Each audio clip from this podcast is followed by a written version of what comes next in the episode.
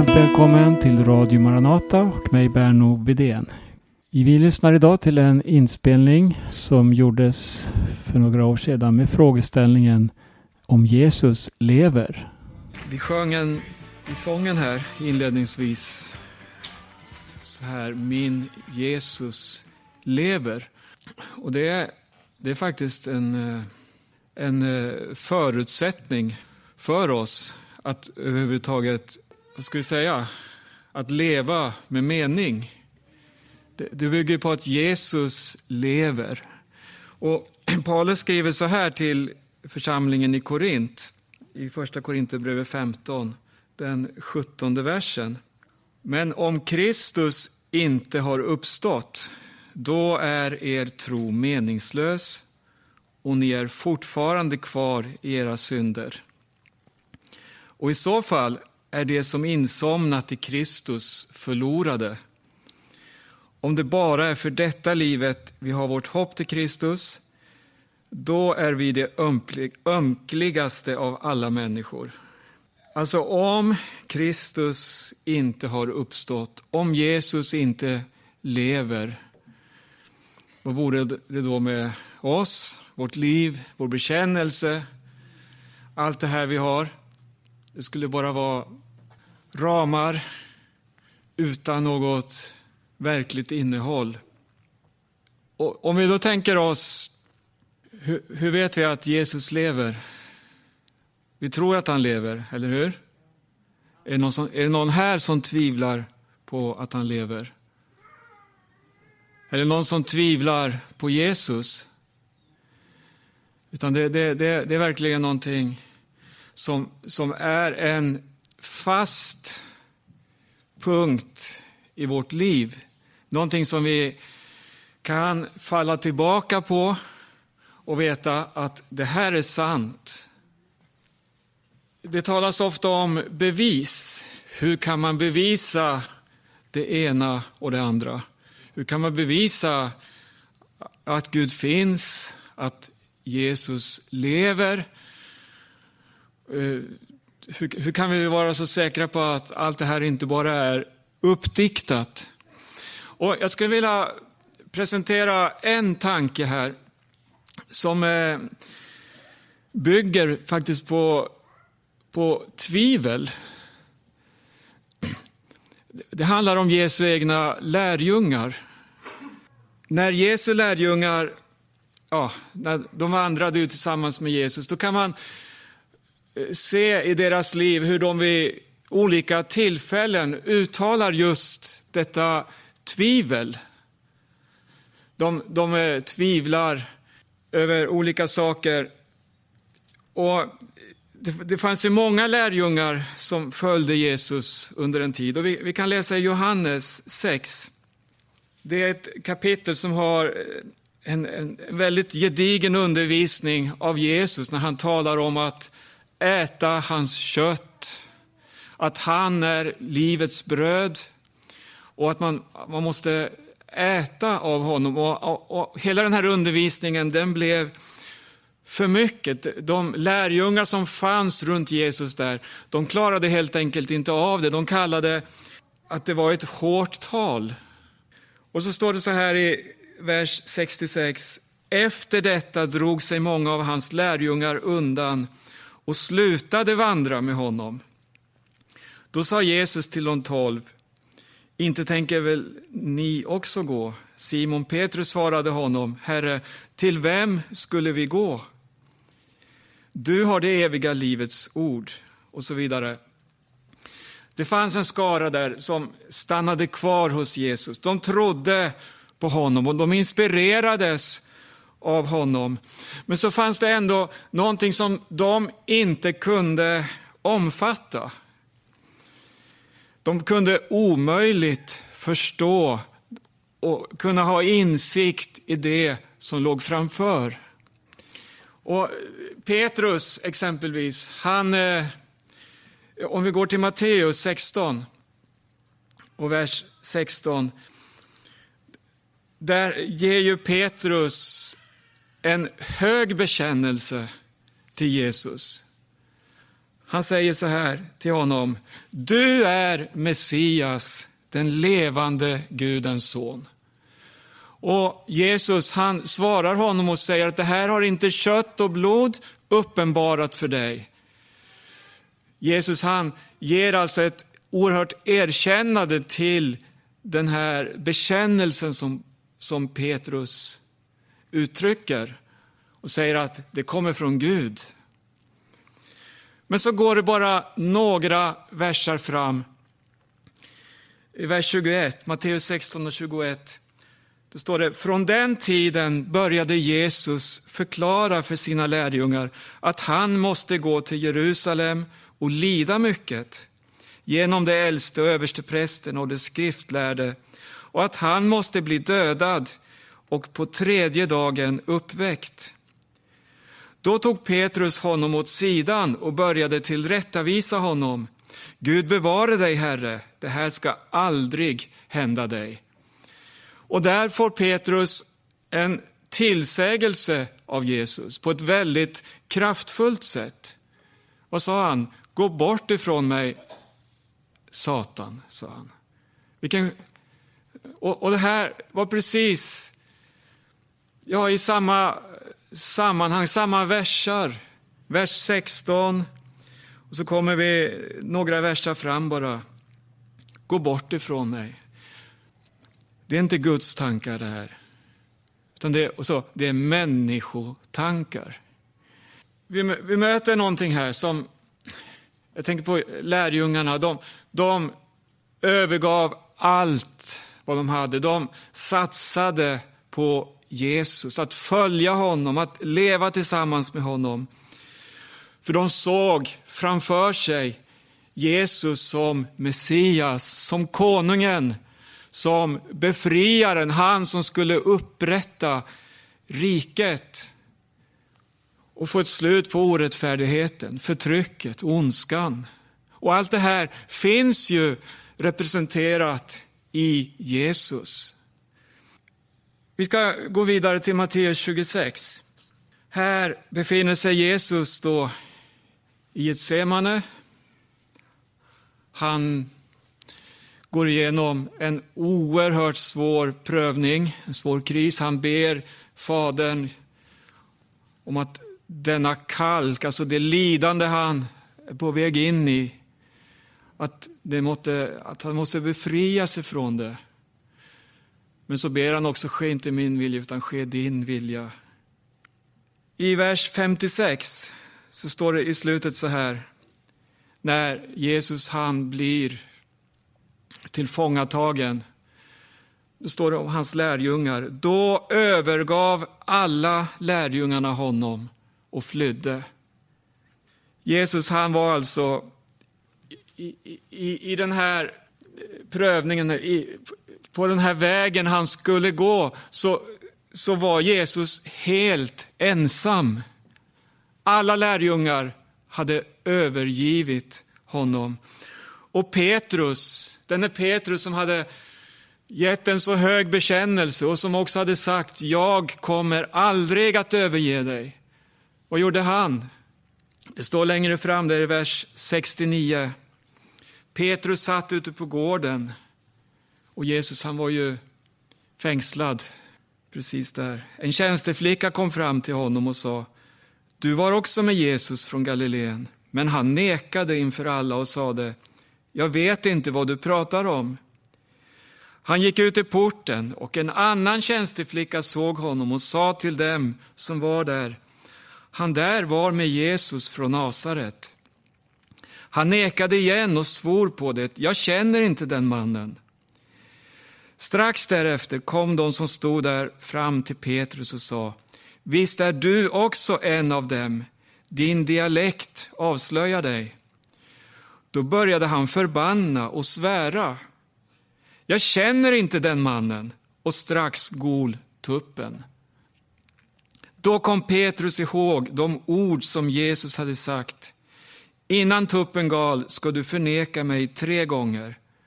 Och han gick ut och grät bittert. Det här var ett oerhört nederlag. Vilken tragedi för Petrus. Det står flera andra citat. Jag ska bara plocka fram. Det är inte samma händelse, men som på ett sätt visar på hur lärjungarna verkligen älskade Jesus. De ville leva tillsammans med honom. Men samtidigt hur de inte kunde se och förstå allt. Utan det fanns en gräns där de kunde inte längre följa Jesus. Och deras hopp, det stod just till det här att Jesus skulle finnas ibland dem. Och när Jesus då talade om att han skulle dö, då var det som att marken började gunga under deras fötter. Luften gick ur. De, eh, vad ska det bli av oss? I Johannes 21, vers 3, så säger Petrus så här. Jag går ut och fiskar.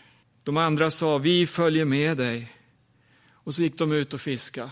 Det är också ett uttryck på hur deras hopp var ute. De, de var rädda, de var ängsliga för framtiden. Vad ska hända? Och man sökte sig tillbaka till det man hade innan.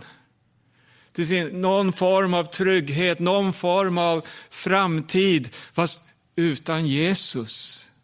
Utan honom. Det var en eh, broder som eh, skrev några rader. Jag ska bara citera honom här. Han skrev så här om lärjungarna att de frågade honom gång på gång om han verkligen var den han sa att han var. De såg underverken han gjorde, men glömde dem snart. De ifrågasatte, undrade, grubblade, misstrodde och tisslade runt med varandra. Och när Jesus sedan till slut fångades in av de romerska soldaterna grips lärjungarna av panik. De flyr hals över huvud. Till och med den mest trostarke av dem, Petrus, förnekar all bekantskap med honom. Så gör väl ingen som tror på någon. Lärjungarna uppvisade alla tecken på otro. Och eh, I Lukas så kan vi läsa på, när Jesus möter Emmausvandrarna och börjar samtala med två av lärjungarna som var på väg mot Emmaus. Det står i Lukas 24 och 21 under samtalet så, så, så talar de med Jesus utan att känna igen honom. Och så säger de så här, men vi hade hoppats att han var den som skulle frälsa Israel. Alltså ett hopp som de trodde hade gått förlorat. De var fyllda av tvivel och oro. Förutom allt detta är det nu den tredje dagen sedan det hände. Och dessutom har några kvinnor bland oss gjort oss uppskakade. De gick till graven tidigt på morgonen men fann inte hans kropp. De kom och berättade att de hade sett en syn med änglar som sa att han lever. De kvinnor gjorde oss uppskakade och sa att Jesus lever. Det fanns inte med i deras föreställning. Alltså, de kunde inte tänka sig att denne Jesus som hade fängslats och de hade sett honom korsfästas, begravas. Allt var svart, allt hopp var ute. Och så kommer det några kvinnor och säger att han lever. Och så i vers 24, då gick några av dem våra till graven och de fann att det var som kvinnorna hade sagt, men honom själv såg de inte. De kunde inte ta emot budskapet, hälsningen om att Jesus lever. Och vad säger Jesus då? Då sa han till dem så här. Så tröga ni är i tanke och hjärta till att tro på allt som profeterna har sagt. Måste inte Messias lida det här för att sedan gå in i sin härlighet. Om vi går tillbaka lite, i Johannes 18, där står Jesus ensam inför eh, sin domare då, som så småningom överlämnar honom att dödas, till att dödas. Och där påstods Jesus vilja vara konung. Och då tänker jag, han stod ensam, alla hade övergivit honom, han hade ingen vid sin sida. Det var ett stort bevis på ett misslyckande på ett sätt. För en kung som inte har några följare, några lärjungar eller några undersåtar, det är väl knappast något att räkna med. Jag försöker se det här utifrån som lärjungarna såg hela situationen och folket runt omkring. De som eh, fanns där, som började håna honom, slå honom. Den här mannen Jesus. Och eh, Pilatus, som det handlar om då, han börjar att ställa frågor om Jesus som konung. Och han får svar. Jesus svarar honom. Och hela situationen, det, det blir, ja du är dock en konung, är det svar han får utav Pilatus. Men var är ditt rike? Var, var är ditt folk? Du är så ensam, du är så övergiven. Hur kan du vara en kung? Det är som ett hånleende mitt i hela den här situationen. Och hans vänner då, jag tänker på lärjungarna, de hade en gång förstått att Jesus var svaret. De hade sett hur vind och vågor lyssnade på hans befallningar. När han sa tig, ja då stannade vinden, vågorna. Och alla under han hade gjort, döda han hade uppväckt. Sjuka, blinda, döva och så vidare. Allt det här, det, det, var, det var som att inför den här situationen, det som nu hände, när Jesus stod inför döden, ensam. Det var det som att allt det här, det glömdes bort eller det bleknade. Tecken, under, allt det här som på ett sätt tilltalar vår själ, våra känslor. Allt det här som kan få oss att må bra och, och se hur rättfärdigheten breder ut sig. Rättvisa, om vi så vill, fred en fin miljö, ett gott samhälle. Allt det här som fanns representerat i Jesus. Det visar sig att det är inte det som är svaret. Det är inte allt det här yttre, alla de här verkningarna. Utan här mötte lärjungarna något mycket djupare, något mycket allvarligare. Och det här gick över deras förstånd, över deras förmåga. Allt det här glömdes bort. Allt var förlorat. Det står i psalm 71 så här, vers 11. Gud har övergivit honom. Förfölj och grip honom, till det finns ingen som räddar. Och på det sättet, alla flydde bort från Jesus. Jesus fördes bort, och in i det sista så talar Jesus om ett rike. Han påstår sig ha ett rike. Men det var ett rike som inte är av den här världen. Ett annat rike. En annan värld. Det var ju så att världen den var förlorad för Jesus. Den hade gått förlorad. Gud, på ett sätt, han hade mist den här världen. Genom att människan, vad gjorde hon? Hon skänkte bort den, kan man säga, till den onde. Hon gav den. gav honom rätten över de här domänerna. Lärjungarna förstod inte det här. De trodde väl att Jesus han skulle göra någonting åt det. Han skulle förvandla hela den här världen till sitt rike. Men på det sätt som de kunde se, som de kunde mäta. Men det gjorde han inte. De tyckte att Jesus han hade all makt, alla möjligheter att göra det.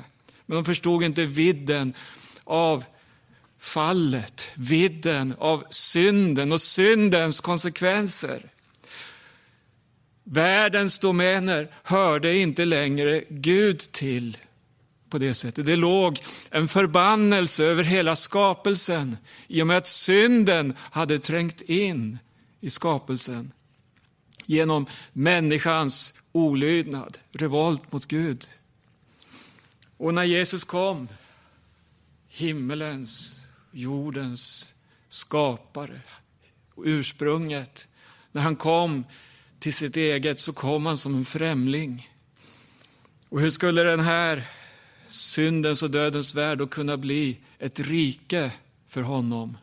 En nersölad klädnad blir vit. Det är orimligt. Och på ett sätt, vi förväntar oss ett paradis utav den värld som är så fläckad och förstörd.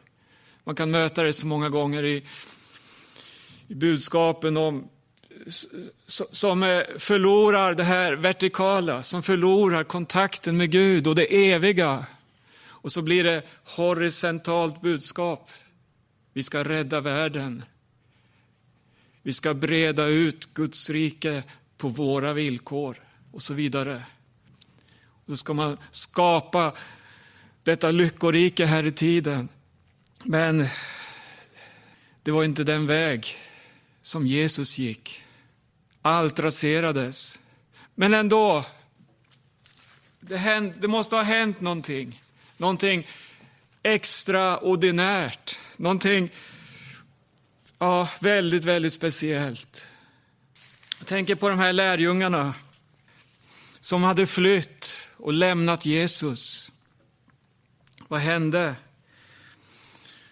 Det hände någonting som gjorde att de som var så rädda, som stängde in sig bakom låsta dörrar, då blev de istället som modiga lejon.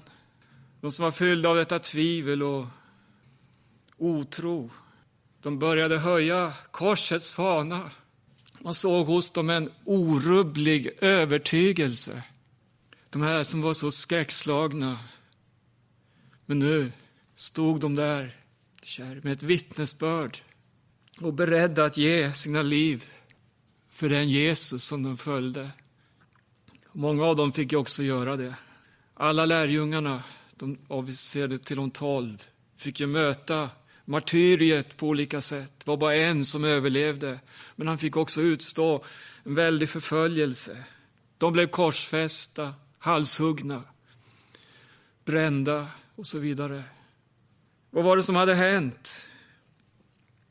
Vad var det som gjorde att detta tvivel kunde bytas till tro? Läs Johannes 2 och 22. Vad Johannes skriver där. När han sedan uppstod från de döda kom hans lärjungar ihåg att han hade sagt detta. Och de trodde på skriften och på ordet som Jesus hade sagt. Alltså, när han sedan hade uppstått från de döda. Lärjungarna hade mött Jesus, de hade lyssnat till honom och de följde honom fram till det sista. Men det var en gräns dit de inte längre kunde gå. De fylldes av tvivel och mörker och hopplöshet. Men så ägde det en uppståndelserum mitt i detta mörker. En ny dörr öppnades. Ljuset från himmelen trädde in. Och lärjungarna, när de fick möta, när de förstod att Jesus är uppstånden, Jesus lever, då kom hoppet tillbaka med full kraft. Då fanns övertygelsen där. Upprättelsen. Det är så viktigt att vi har en levande Jesus i våra liv. Att det inte blir ritualer och bara ett sätt att leva, ett annorlunda sätt, utan att det får flöda ett liv som vittnar om att Jesus är uppstånden, om att han lever. Romarbrevet 8 och 11, där skriver Paulus om anden från honom som uppväckte Jesus från de döda bor i er. Hör. Den ande som uppväckte Jesus från de döda, den har tagit sin boning i ditt liv, i ditt hjärta. Då ska han som uppväckte Kristus från de döda också göra era dödliga kroppar levande genom sin ande som bor i er. Halleluja. Vi ska, jag ska läsa till sist i Johannes 20 kapitel. Här möter vi lärjungarna som fortfarande är eh, rädda. De har låst in sig. De lever i det här chocktillståndet på något sätt. Ryktena hade börjat gå om Jesus, att han skulle vara uppstånden, men de kunde inte ta emot det. De kunde inte tro på det, som vi läste tidigare. Men det finns en vändning här. Och det här kan vi ta emot allesammans. Och det kan få bli en erfarenhet i våra liv. Jag tror att vi som sitter här, vi, vi har fått möta Jesus. Vi har fått möta den uppståndne. Men det kan, det här kan hjälpa oss också att när vi, i vittnesbördet inför andra människor att kunna presentera denne uppståndne Jesus. Att vi kan bli fria från fruktan. Fria från den här försagdheten. Det här att vara så blyga kanske inför namnet Jesus. Tänk att få bära fram namnet Jesus med övertygelse och stolthet. Han är mitt allt. Det står i Johannes 20 från vers 19. På kvällen samma dag, den första veckodagen, var lärjungarna samlade bakom låsta dörrar av rädsla för judarna. Då kom Jesus och stod mitt ibland dem och sade, frid vare med er. När han hade sagt detta visade han dem sina händer och sin sida. Och lärjungarna blev glada när de såg Herren. Jesus sa än en gång till dem, frid vare med er. Som Fadern har sänt mig sänder jag er. Sedan han sagt detta andades han på dem och sa, ta emot heligande. De här verserna, de, åh, de säger så mycket. En vändning, en vändpunkt i ditt liv. Det är mötet med Jesus. Det är att bli fylld av den helige Ande. Att vara det redskap. Så som Fadern har sänt mig, sa Jesus, så sänder också jag eder. Amen.